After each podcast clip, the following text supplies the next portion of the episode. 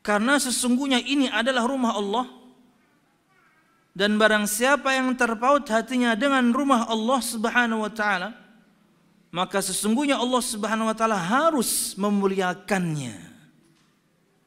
Anda mencintai rumah Allah dengan memakmurkan masjid dengan mendatanginya untuk salat lima waktu di masjid Allah muliakan Anda.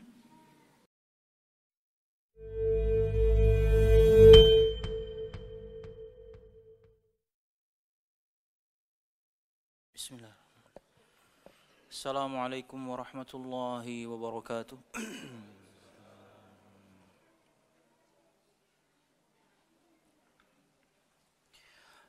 إن الحمد لله نحمده ونستعينه ونستغفره ونعوذ بالله من شرور أنفسنا ومن سيئات أعمالنا من يهده الله فلا مضل له ومن يضلل فلا هادي له. أشهد أن لا إله إلا الله وحده لا شريك له. وأشهد أن محمدا عبده ورسوله. قال الله تعالى في القرآن الكريم أعوذ بالله من الشيطان الرجيم.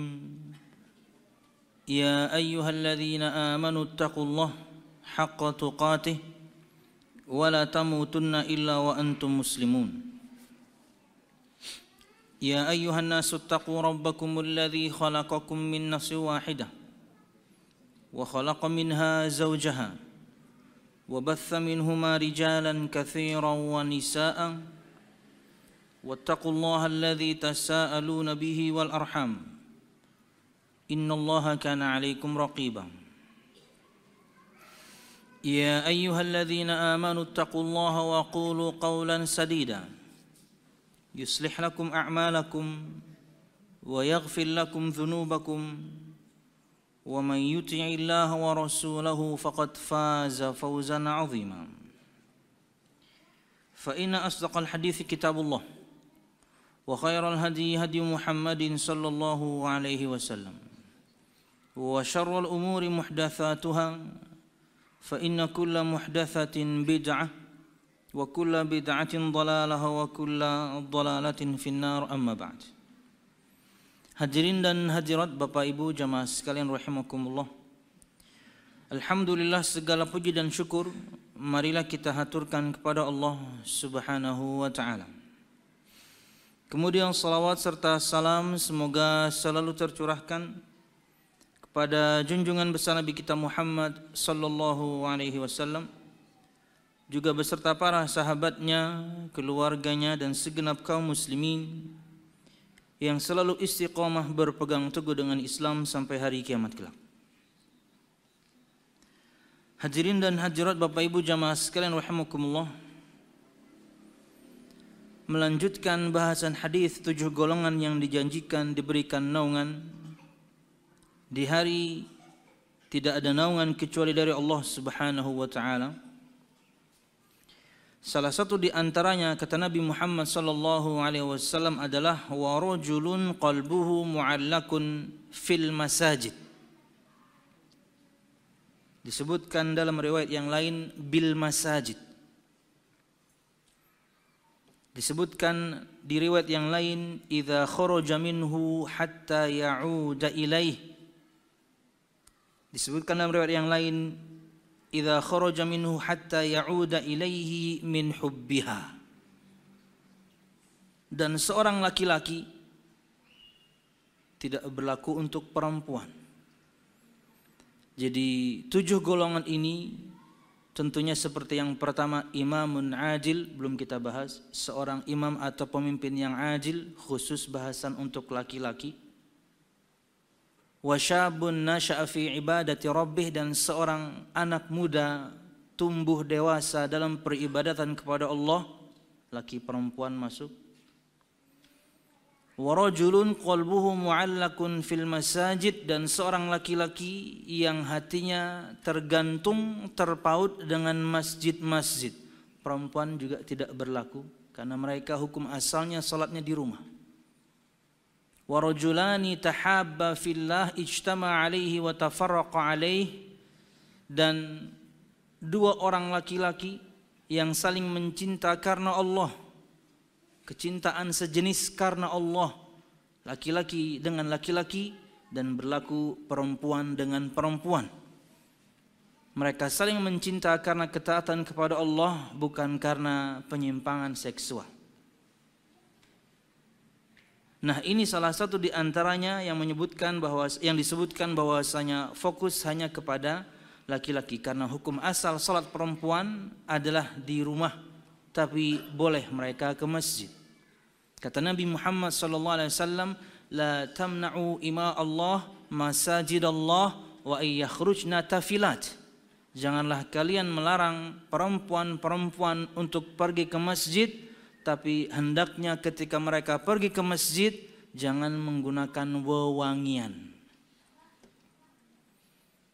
Jadi boleh ke masjid tapi rumahnya adalah yang lebih utama untuknya di tempat yang tersembunyi atau paling tersembunyi di rumahnya dalam lemari.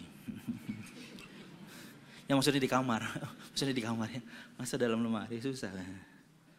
Atau saking ingin tersembunyinya lagi kita nyari istri bingung gitu ya di mana dia ding mana ulu lagi sholat ya di mana di bawah ranjang mas susah nggak ketemu ya. Oke. Lima menit pertama ya sudah percaya. Oke, siap. Yang bersamanya artikel Syekh Al-Munajjid bisa disebarkan di teman-teman.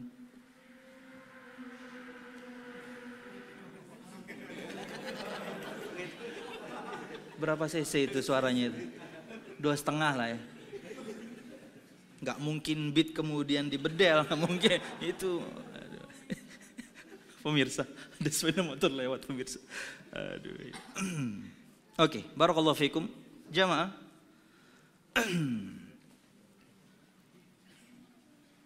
Kata beliau sallallahu alaihi wasallam wa rajulun qalbuhu mu'allakun fil masajid dan seorang laki-laki yang hatinya terpaut atau terkait dengan masjid.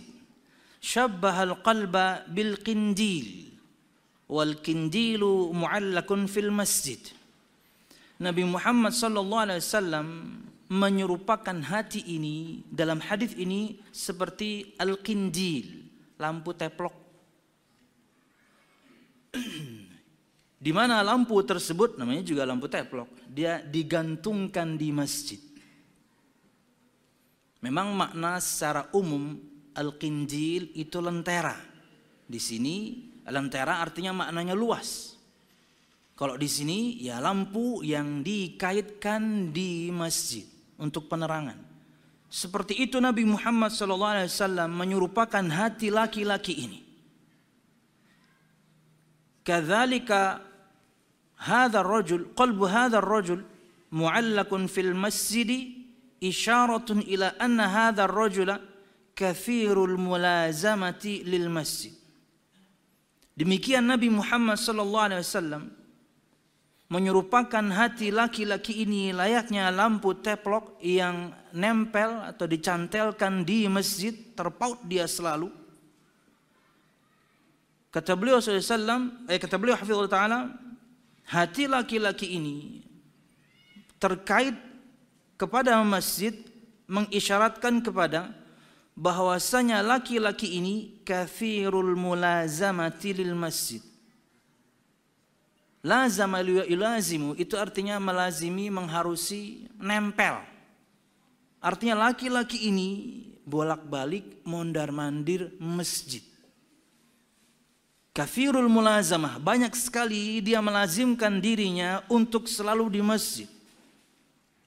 Dia memakmurkan masjid, kita akan sebutkan nanti di akhir. Wa hatta law kharaja minal masjid li ayyi sababin fa inna qalbahu fil masjid. Wa in kana jasadu kharijal masjid. Bahkan ketika dia atau jika dia keluar dari masjid untuk sebab tertentu, maka sesungguhnya hatinya selalu terpaut dengan masjid walaupun badannya di luar, pengen selalu kembali. Fahada yadullu ala syiddati mahabbatihi lil masjid. Maka ini menunjukkan akan betapa cintanya dia kepada masjid. wa huwa baitullahi azza wa jal dan masjid itu adalah rumah Allah hadha at-ta'alluqul qalbi fil masjid hatta law kharaja minhu yadullu alaihi lafdhun warada fi riwayat Malik rahimahullah taala idza kharaja minhu hatta ya'uda ilaih wa fi riwayah min hubbiha dan masjid adalah rumah Allah dan terpautnya hati kepada masjid Hatta lau kharaja minhu, walaupun laki-laki ini keluar dari masjid tersebut untuk sebab tertentu, dia selalu ingin kembali. Sebagaimana satu riwayat dari Imam Malik, Nabi Muhammad SAW bersabda, hadis yang sama tapi dengan tambahan, "Idza kharaja minhu hatta ya'uda ilaih." Hatinya terpaut dengan masjid, jika dia keluar, dia ingin kembali lagi ke masjid. Wa fi riwayah dan di riwayat yang lain hadis yang sama tapi dengan tambahan min hubbiha karena betapa cintanya dia dengan masjid. Qalbuhu mu'allakun fil masajid min hubbiha idza kharaja minhu hatta ya'uda ilaih. Hatinya terpaut dengan masjid karena kecintaannya dengan masjid. Jika dia keluar dari masjid, dia selalu ingin kembali kepadanya. وهذا فيه فضل المساجد وأنه ملا وأنه ملازبة المسجد فيها خير عظيم وأن استمرار الإنسان في المسجد مصليا أو ينتظر الصلاة أو بعد الصلاة أو معتكف في المسجد أو ينتظر أو يحضر درسا في المسجد أو حلقة ذكر. anna hadzal amal at-ta'alluq masjid wa qaunul intilaqati minal masjid wal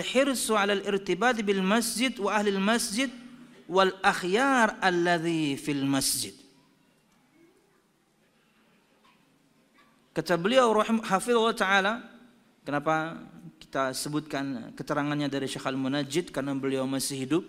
Makanya nanti ada contoh di mana relevan dengan zaman kita kondisi ini pada hadis ini ada keutamaan masjid dan bahwasanya seorang melazimi selalu terpaut hatinya kepada masjid di dalamnya ada kebaikan yang sangat agung. Dan bahwasanya seorang manusia ketika terus-menerus berada di masjid entah itu dengan salat atau menunggu salat atau setelah salat dia masih di masjid atau bahkan mungkin dia iktikaf di masjid. Atau dia menunggu seorang di masjid. Atau menghadiri kajian di masjid. Atau halaqah zikr mungkin yakni uh, baca Quran. Tahsin Al-Quran. Anna hadha al-amal at-ta'alluq hadha bil masjid. Wa qul al-intilaqati fil masjid.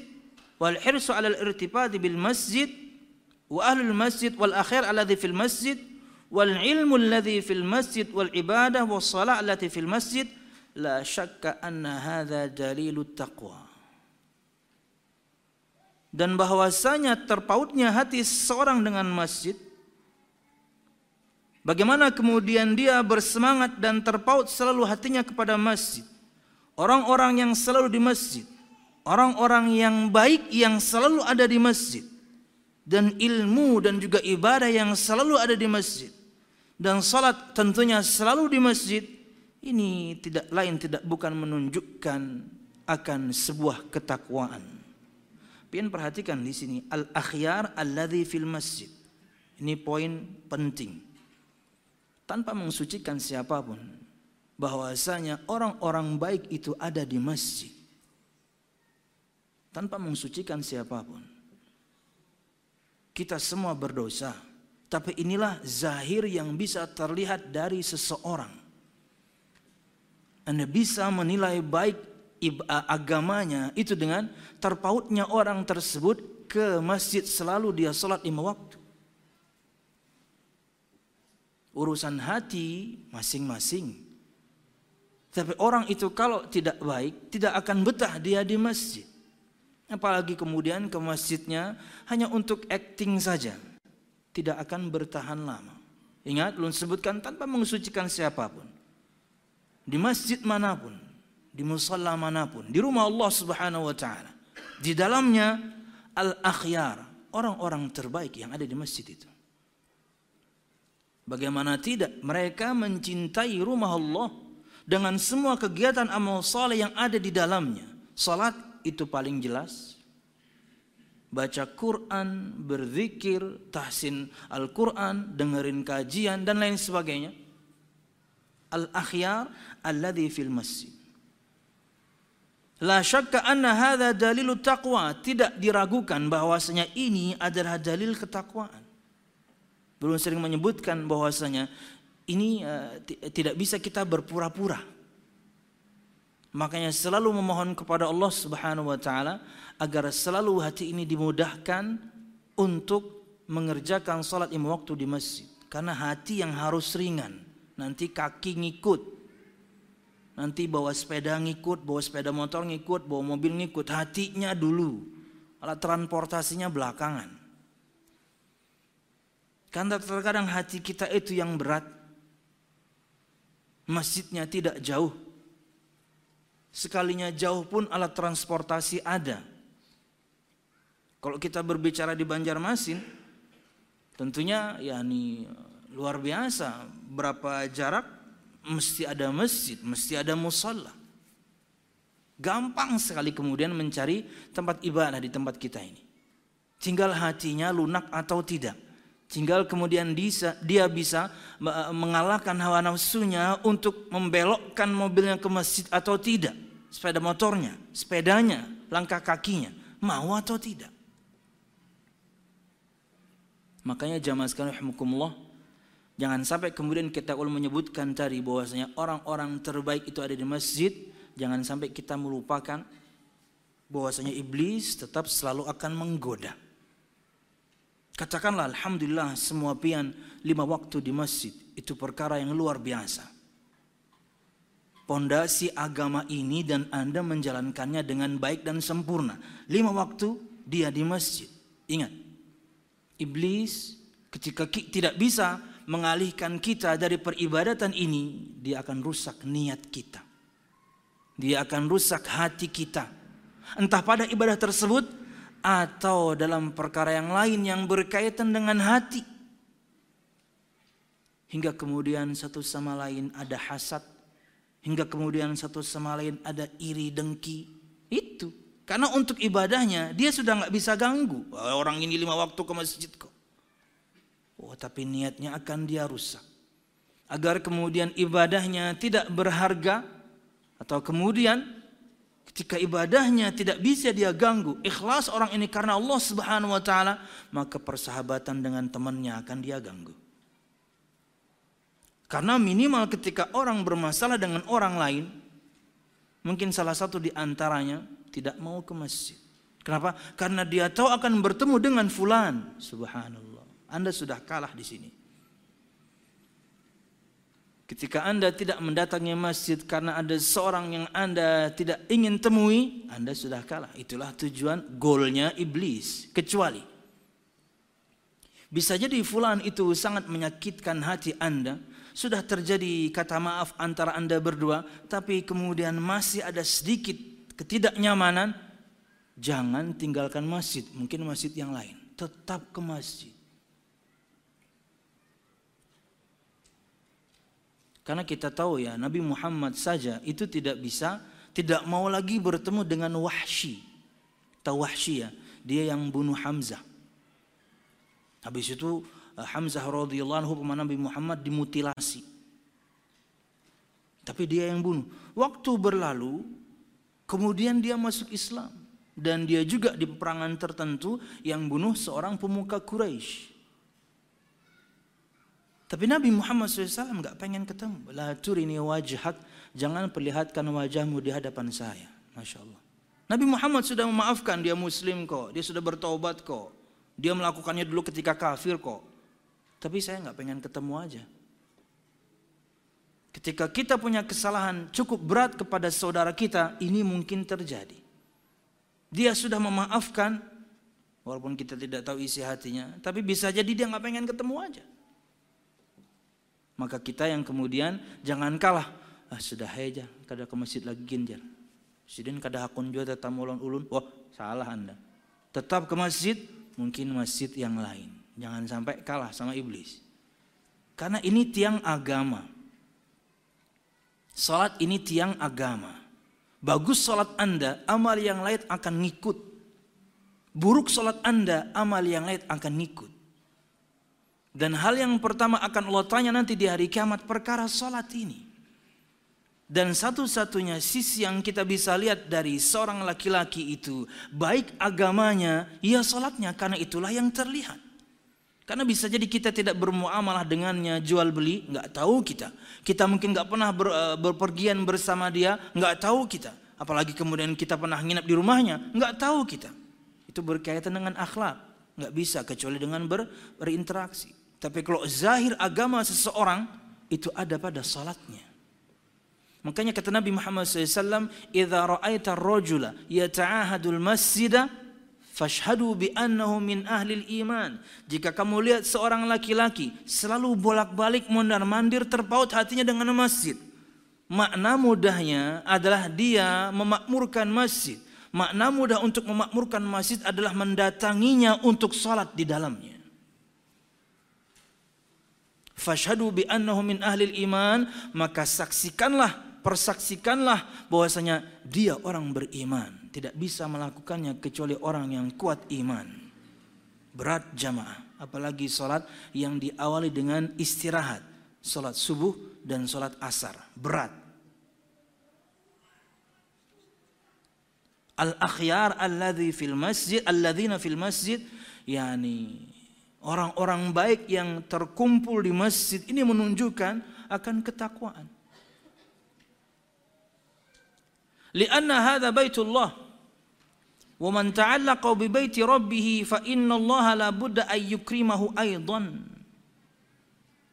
Karena sesungguhnya ini adalah rumah Allah dan barang siapa yang terpaut hatinya dengan rumah Allah Subhanahu wa taala maka sesungguhnya Allah Subhanahu wa taala harus memuliakannya.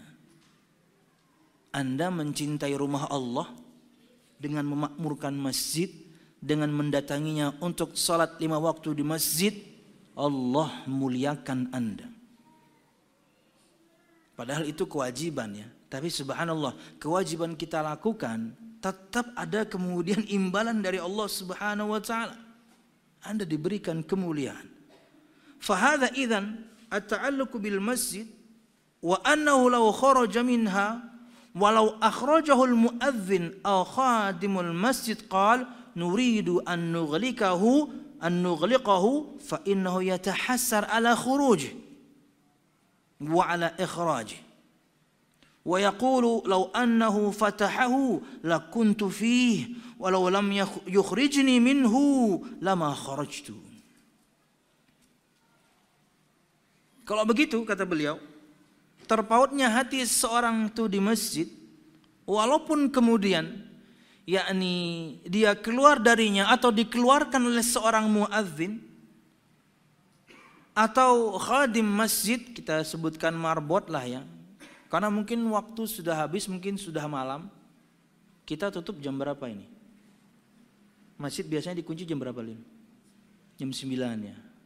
Kalau subuh dibuka jam Jam 4 sudah buka kayaknya ya, Pak. Pak sudah bersih-bersih. Satu, satu jam sebelum adzan biasanya sudah buka. Oke. Di Masjid Nabawi pun seperti itu. Di luar musim yakni Ramadan, di luar Ramadan atau di luar musim haji seperti ini di hari-hari biasa, itu malam ditutup jam 11 itu kalau nggak salah jam 11 di Masjid Nabawi. Dulu saya ingat jam 11 itu ditutup. Kemudian nanti jam 3 baru dibuka. Nah orang yang terpaut hatinya dengan masjid walaupun dia dikeluarkan. Di Masjid Nabawi itu polisi yang kemudian menyebar. Ayo ayo. Masjid mau ditutup. Mereka nyebar tuh. Kan ada orang mungkin rebahan, mungkin lagi ngobrol. Semuanya diusir-usirin. Karena mau ditutup. Walaupun dia dikeluarkan oleh muadzin atau kemudian marbot masjid Dia mengatakan nuridu an nughliqahu. Kami mau tutup, Pak. Karena sholat isya sudah selesai, kajian sudah selesai, ya kami mau tutup. Fa innahu yatahassar ala khurujih, maka dia uh, merasa yatahassar itu apa ya? Um, apa ya? Enggak nyaman. Aduh, Pak, karena dia pengen di masjid. Dia tidak mau keluar, dia, dia, dia, dia tidak nyaman ketika keluar dari masjid. Dan dia mengatakan, Lau annahu fatahu lakuntu fi. Kalau saja dibuka, saya mesti di dalam. Walau lam yukhrijni minhu lama kharajtu. Kalau saya tidak dikeluarkan, saya nggak akan keluar. Saking terpautnya hatinya dengan masjid. Kita tidak membahas misalnya seorang musafir yang kemudian pihak masjid memperbolehkan untuk menginap. Itu lain cerita. Kayak kemarin misalnya eh, kita kedatangan tamu Al-Ustaz Al-Fadhil Al-Misri. Itu ada sebagian ikhwah di luar kota Eh, bisa tidur di masjid enggak? Saya tanya takmir, bisa. Maka mis dibuka waktu itu. Di hari-hari itu mis dibuka. Untuk teman-teman yang di luar kota, yang mungkin ya ini uh, tidak bisa ke penginapan atau hotel, masjid terbuka. Ini lain cerita. Memang untuk istirahat. Jamaah sekarang kalau saya tidak dikeluarkan, saya enggak keluar. Jika saja dia membuka, saya pasti di dalam. Jamaah sekarang rahmukumullah fayu'jaru ala niyatihi wala syak. Maka dengan niat dia seperti ini selalu ingin di dalam masjid pastinya dia mendapatkan pahala pahala tanpa ragu. Allah Subhanahu wa taala berfirman dalam surah An-Nur ayat 36 37 Fi buyutin adzina Allah an turfa'a wa yudhkara fiha ismuhu wa yusabbihu lahu fiha bil ghudwi wal asal rijalun la tulhihim tijaratun wala bay'un an dzikrillah wa iqamis salah wa ita'iz zakah yakhafuna yawman tataqallabu fihi alqulub wal absar yang artinya adalah bertasbih kepada Allah Subhanahu wa taala di masjid-masjid yang telah diperintahkan untuk dimuliakan dan disebutkan namanya di dalamnya pada waktu pagi dan waktu petang. Siapa yang bertasbih ini? Laki-laki yang tidak dilalaikan oleh perniagaan dan tidak pula dari mengingat Allah Subhanahu wa taala. Saya ingat sekali faedah ya dari Al Ustaz Al Fadil Firanda. Orang yang hebat itu bukan yang selalu di masjid. Tapi dia punya tugas di luar, punya kerjaan di luar, entah dia pedagang kah, entah dia karyawan kantor kah, siapakah dia terserah. Dia punya kerjaan di luar, mencari nafkah. Tapi kemudian ketika adzan berkumandang, dia bersegera ke masjid. Itu yang top. Karena itu berat. Apakah masih ada orang seperti ini? Alhamdulillah sangat banyak. Masih sangat banyak. Orang-orang yang masih sadar untuk kemudian yakni karena sebentar salat itu paling 15 menit. Dia Eh, parkirkan mobilnya, sepeda motornya, sepedanya, atau apalagi masihnya dekat. Padahal dia punya kerjaan, tutup dulu. Istirahat, kan ada tuh beberapa toko gitu ya. Atau bahkan mungkin kayak pom bensin yang ada di Balangan kan, tutup. Bukan untuk sok-sokan. Istirahat sholat. Kenapa? Ini tujuan hidup kita Pak. Mencari nafkah itu yakni selingannya. Jangan dibalik. Kita diciptakan untuk menyembah Allah Subhanahu wa taala. Baru kemudian ya, yakni ketika azan berkumandang bersegeralah. Itu baru top.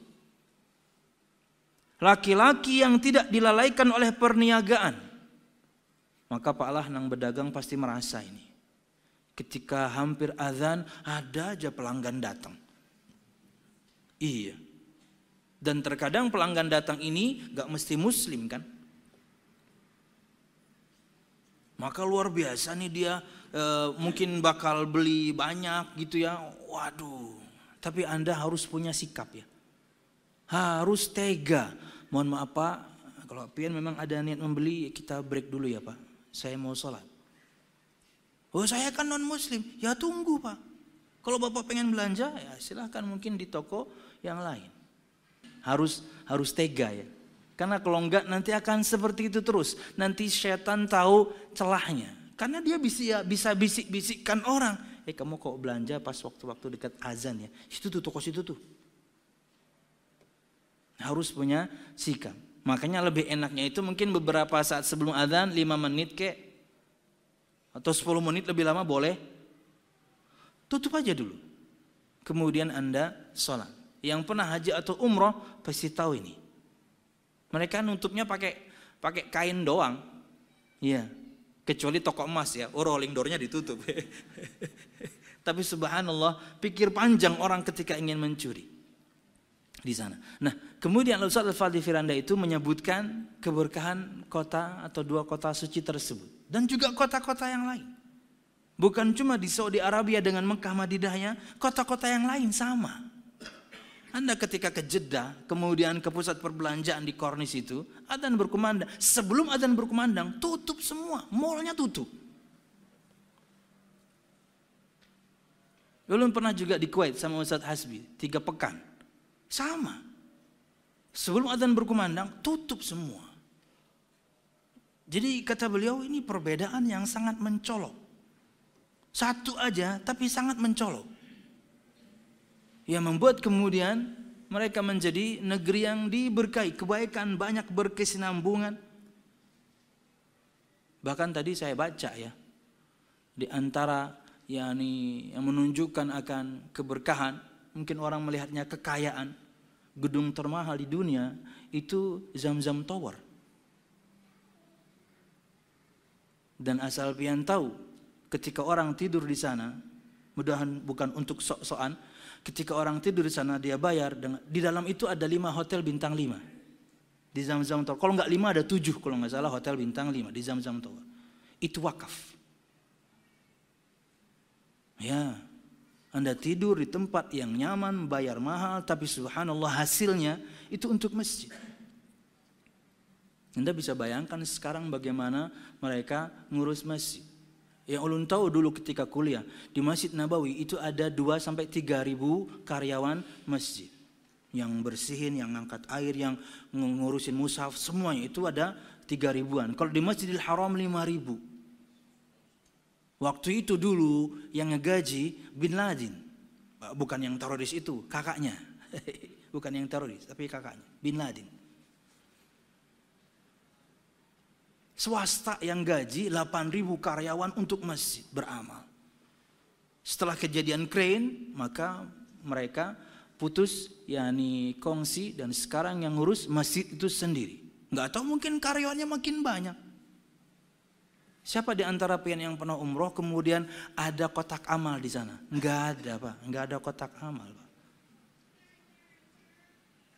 Dan bagaimana mereka ya ini sudah luar biasa profesional membersihkannya, merapikannya, menata orangnya. Sekarang kan jutaan orang yang mereka hadapi.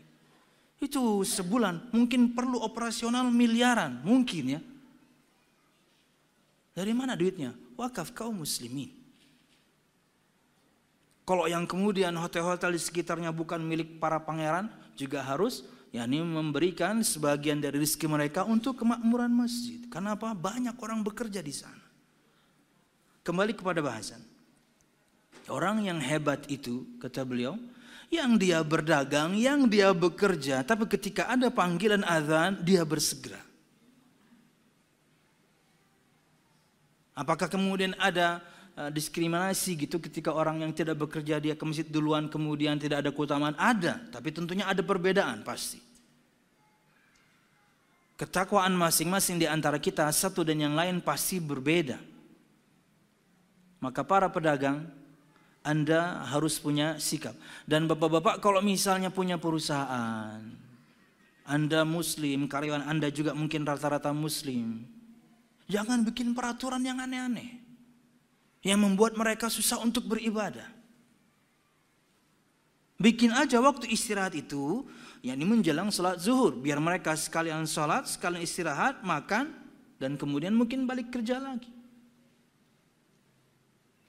Kan kita dapatkan keluhan itu ya di sebagian ikhwah kita ya. Entah itu yang bekerja di kantoran tak taunya bosnya muslim. Susah untuk beribadah. Ini kan aneh. Bahkan dalam satu bulan ini ada dua pertanyaan seperti itu. Apa yang harus saya lakukan Ustadz? Berhenti bekerjakah?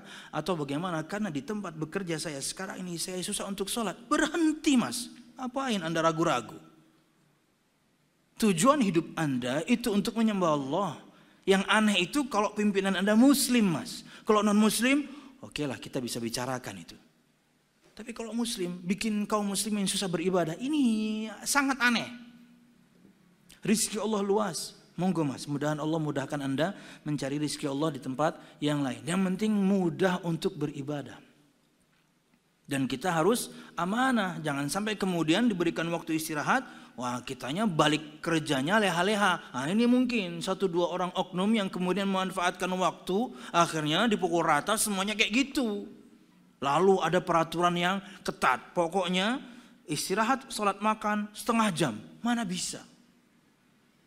Ya, ya satu jam bisa lah.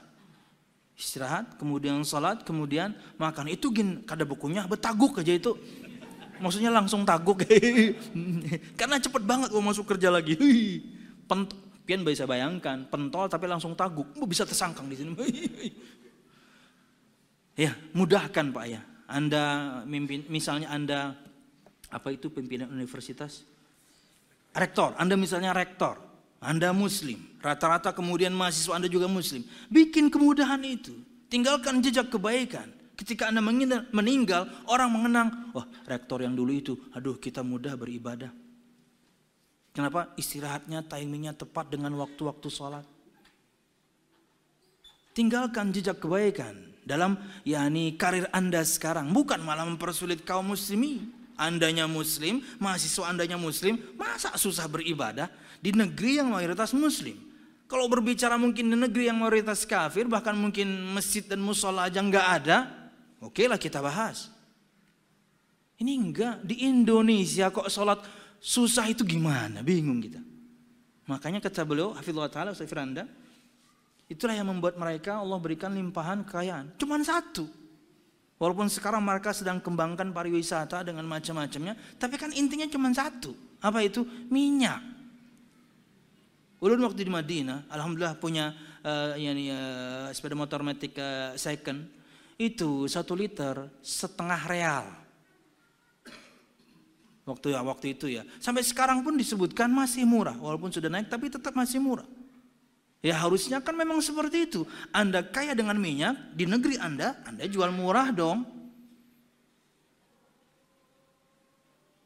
Waktu itu sempat naik sampai 80 halalah katanya. Jadi kalau satu real itu 100 halalah. Waktu ulun dulu 50. Ya Allah, luar biasa. Saking melimpahnya, jadi diberkahi Allah Subhanahu wa taala. Masih pada faedah tambahan firman Allah Subhanahu wa taala surah An-Nur 37, "Rijalun la tulhihim tijaratun wala bai'un an dzikrillahi wa iqamis salati wa ita'iz zakah." Yakhafuna yawman tataqallabu fihi alqulub wal absar. Laki-laki yang tidak dilalaikan oleh perniagaan dan tidak pula dilalaikan oleh jual beli dari mengingat Allah. Ini laki-laki yang hebat. Beraktivitas dia tapi aktivitasnya tidak melalaikan dia dari mengingat Allah Subhanahu wa taala. Maksudnya zikir. Dan dari mendirikan salat dan dari membayar zakat. Betul Anda mendapatkan apa yang Anda dapatkan, tapi ingat ketika Anda memenuhi persyaratan untuk menunaikan zakat, keluarkanlah. Karena ada begitu banyak hak orang lain pada harta Anda. Ada delapan golongan yang harus Anda berikan kepada mereka, hak mereka. Dan harta Anda tidak pernah berkurang demi mensucikan jiwa dan juga harta Anda, zakat itu Anda yang butuh. Hingga kemudian hati Anda betul-betul lunak, akhirnya menjadi seorang dermawan. Mungkin awalnya zakat, zakat, zakat. Sisanya sedekah itu akan ringan untuknya karena yang wajib sudah dia lakukan. Walaupun dia mendapatkan begitu banyak karena dia berdagang, dia bekerja. Ketika memenuhi persyaratan tunaikan zakat Anda bisa berikan langsung boleh. Anda bisa wakilkan kepada badan yang kemudian ditunjuk pemerintah silahkan. Yayasan-yayasan yang amanah dengan mengeluarkan atau eh, menyalurkan zakat Anda boleh. Monggo. Jamaah sekalian ketika ulun pribadi gitu ya. Ada sebagian jamaah menitipkan. Ulun terkadang nanya data juga ke yayasan. Karena mereka yang punya data. Siapa yang berhak mendapatkan. Udah tinggal saya transfer aja. Jamaah sekalian inilah laki-laki yang hebat. Perniagaan mereka tidak melalaikan mereka dari mengingat Allah. Dari salat. Dari mendirikan salat. Dari menunaikan zakat Ya khafuna yawman tataqallabu fihi al-qulub wal absar. Mereka lakukan semua itu karena ada rasa takut pada hati mereka akan datangnya hari kiamat kelak di mana disebutkan di sini hati dan penglihatan menjadi goncang tataqallab. Disebutkan yakni seorang antara takut dan pengharapan ketika melihat bagaimana kengerian hari kiamat dan juga mereka disebutkan di sini penglihatan bolak-balik itu yakni ya, akan dari mana saya mendapatkan kemudian buku catatan amal saya kanankah kirikah atau kemudian kiri di bagian belakang ya inilah laki-laki yang hebat. Yang perniagaan mereka tidak melalaikan mereka dari mengingat Allah dari mendirikan salat dari menunaikan zakat. Jamaah sekalian kembali kepada yakni uh, artikel. Kata beliau, Hafizullah Ta'ala melanjutkan,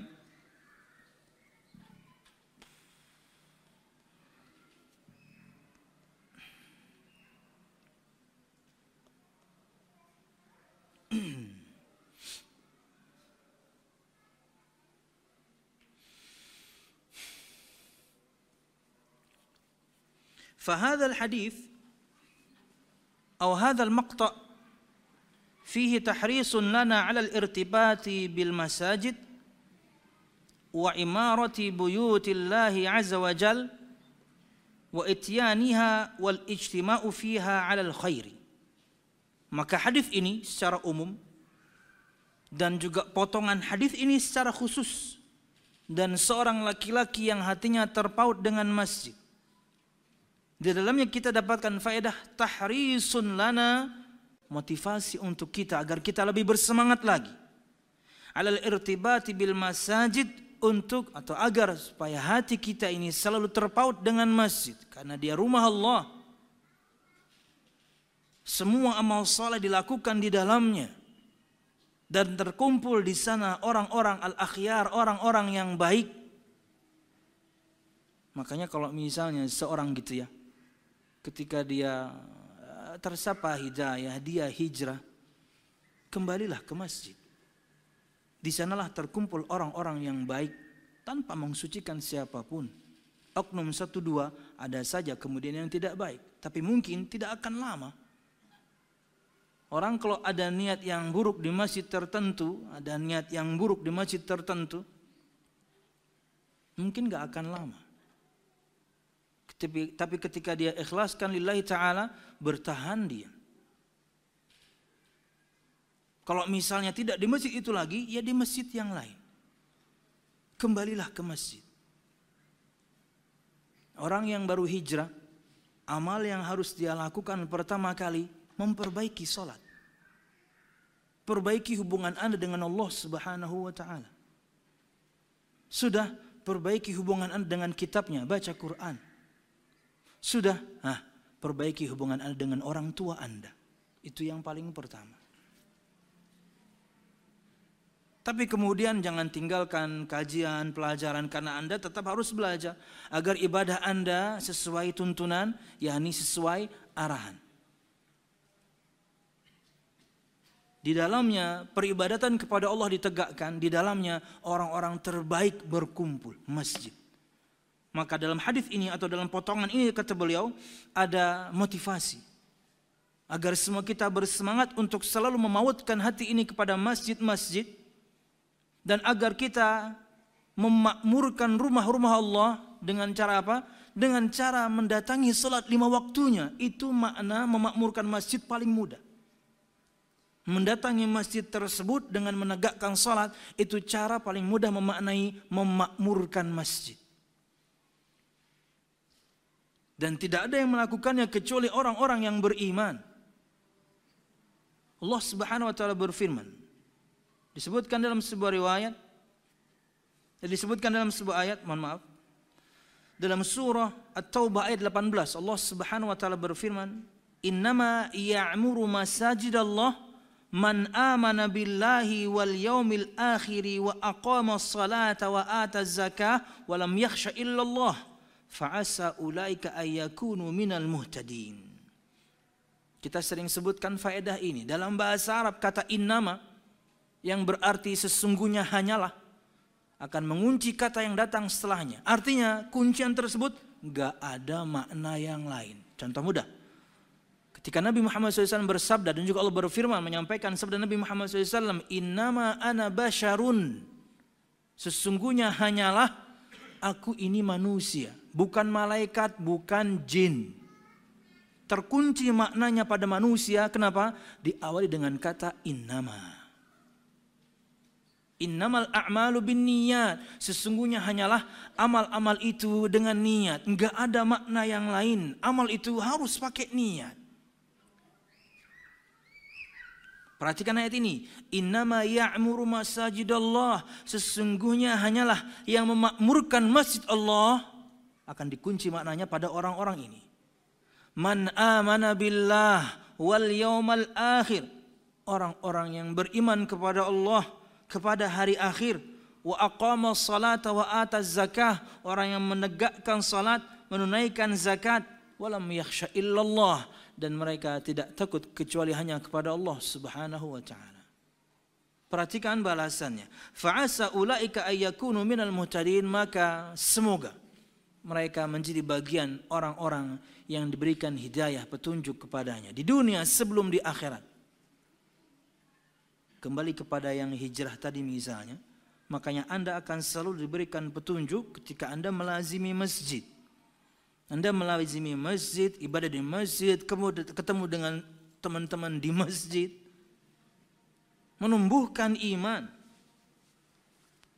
Mengunci Anda pada makna keimanan hingga Anda menjadi orang yang memakmurkan masjid Allah Subhanahu wa taala karena Anda menegakkan salat di dalamnya.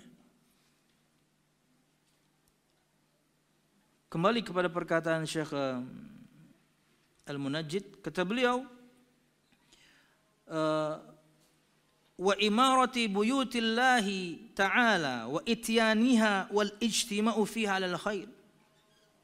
Di dalam potongan ini ada motivasi untuk kita agar hati kita terpaut selalu dengan masjid-masjid, memakmurkan rumah Allah, mendatanginya dengan salat di dalamnya dan berkumpul di dalamnya di atas kebaikan. Wala syakka anna lil mujtami'ina fil masajid alal khairi ajrun 'azim dan tidak diragukan bahwasanya untuk orang-orang yang berkumpul di masjid di atas kebaikan bagi mereka pahala yang besar di antaranya takhshahumul malaikah warahmah wassakinah tatanazzalu alaihim wa yaktubuhumullahu indahu wa hadhihi karamah mereka akan diliputi rahmat Allah diliputi malaikat Allah maksudnya para malaikat Allah pun akan hormat kepada mereka. Anda mungkin tidak dikenal di dunia ini. Anda bukan pesuruh, Anda bukan pemimpin, Anda bukan orang ternama, Anda bukan orang populer. Anda mungkin punya akun, tapi followers Anda lima. Hmm. Lima itu pun tiga di antaranya orang yang Anda pinjam duitnya. Dia hanya ingin memantau Anda nih. Di Anda nggak terkenal. Ke mana-mana juga nggak ada yang nyapa. Ya. Tapi subhanallah. Ketika Anda selalu berkumpul di masjid. Seperti ini nih, nuntut ilmu nih. Yang menghormati Anda itu malaikat. Makhluk Allah yang tidak pernah bermaksiat. Mereka mengepakkan sayap itu di majlis-majlis ta'lim itu karena menghormati. Kita tidak tahu bagaimana hakikatnya mereka mengepakkan yang jelas mereka berkumpul. Itulah sesuai sabda Nabi Muhammad. Majtama'a qaumun fi baitin min buyutillah yatluna kitab Allah wa yatadarasunahu bainahum illa nazalat alaihimus sakinah wa ghashiyatuhumur rahmah wa haffathumul malaikah wa fi man indah. Tidaklah satu yakni kaum berkumpul di salah satu rumah di antara rumah-rumah Allah. Keutamaan masjid. Mereka yakni membaca kitabullah, mereka bertadarusan di dalamnya. Di antara makna tadarus kata Syekh Utsaimin, seorang membaca firman yang lain mendengarkan. Persis kajian seperti itu. Kecuali akan turun kepada mereka ketenangan. Pengajian itu menenangkan. Saking tenangnya kadang-kadang kalau pengajian subuh itu ada yang tidur. Karena saking tenangnya pengajian itu. Di rumah dia insomnia. Tapi di masjid, Masya Allah. Karena memang masjid itu, pengajian, majelis salim itu menenangkan. Subhanallah. Dan mereka akan diliputi rahmat Allah. Mereka akan diliputi malaikat Allah. Di hadis yang menyebutkan mereka akan mengembangkan sayapnya. Bukti mereka hormat kepada para penuntut ilmu. Siapa? Yapian ini semuanya. Dan semua penuntut ilmu di masjid-masjid yang lain. Cukup? Belum. Ini tiga keutamaan wa dzakarahumullah indah. Ini loh. Nama-nama Anda itu semuanya akan disebutkan Allah di majlis yang paling mulia di jagat raya ini, dunia akhirat. Di mana maksudnya? Di langit. Maksudnya di langit, dunia akhirat, di langit. Anda mungkin tidak dikenal. Sama juga keutamaan orang yang ketika hadir ke masjid untuk Jumatan lebih datang lebih awal. Ya, Kata Nabi Muhammad SAW, sesungguhnya di setiap pintu-pintu masjid ada malaikat-malaikat Allah Subhanahu wa taala yang siap mencatat yang datang lebih awal dan lebih awal lagi.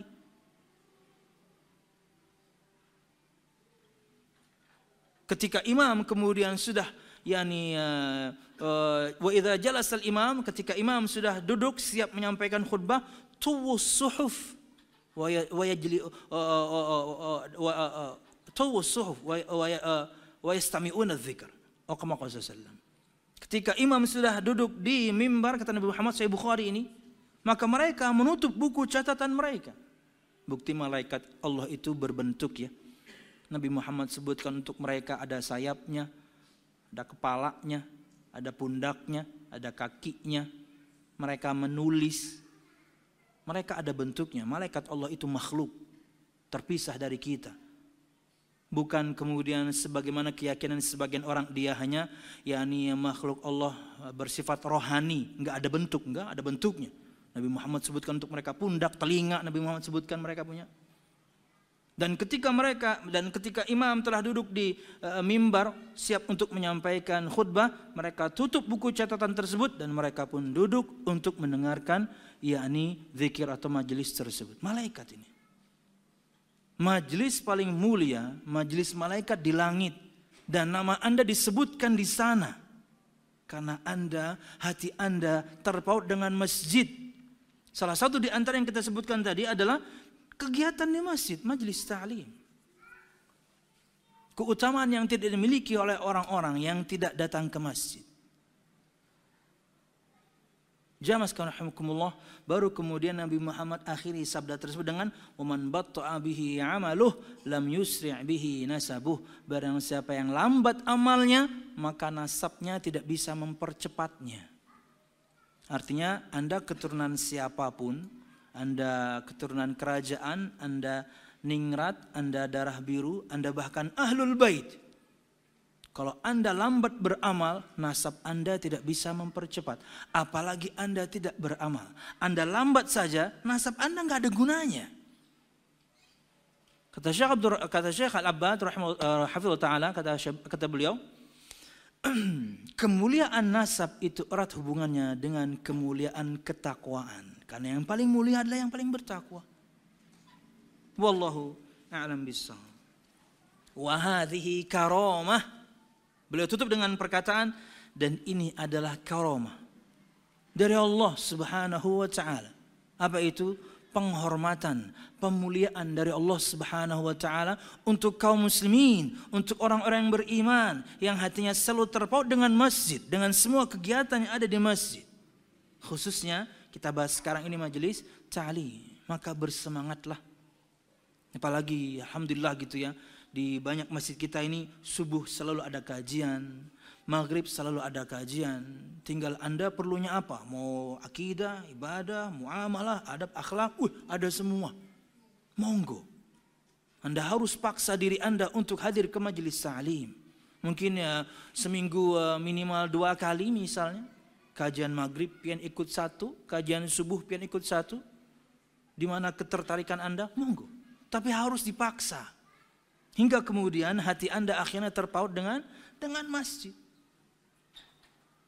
Ketika ditutup pun kan biasanya kalau pagi juga mungkin ditutup. Jeda antara setelah eh, pagi sampai zuhur mungkin juga ditutup. Anda selalu aduh, aduh kalau saya nggak diusir saya akan di masjid selalu nih. Harus seperti itu. Maapalah ini hendak ditutup. Tapi ulun tahu Pak Ai pian nih cinta masjid. Tapi tapi apa Pak? Bini ulun masih di dalam. Ay. Jadi istrinya ketinggalan. Dari tadi saya pengen nyamain joki sih. Jamaah sekarang rahimakumullah.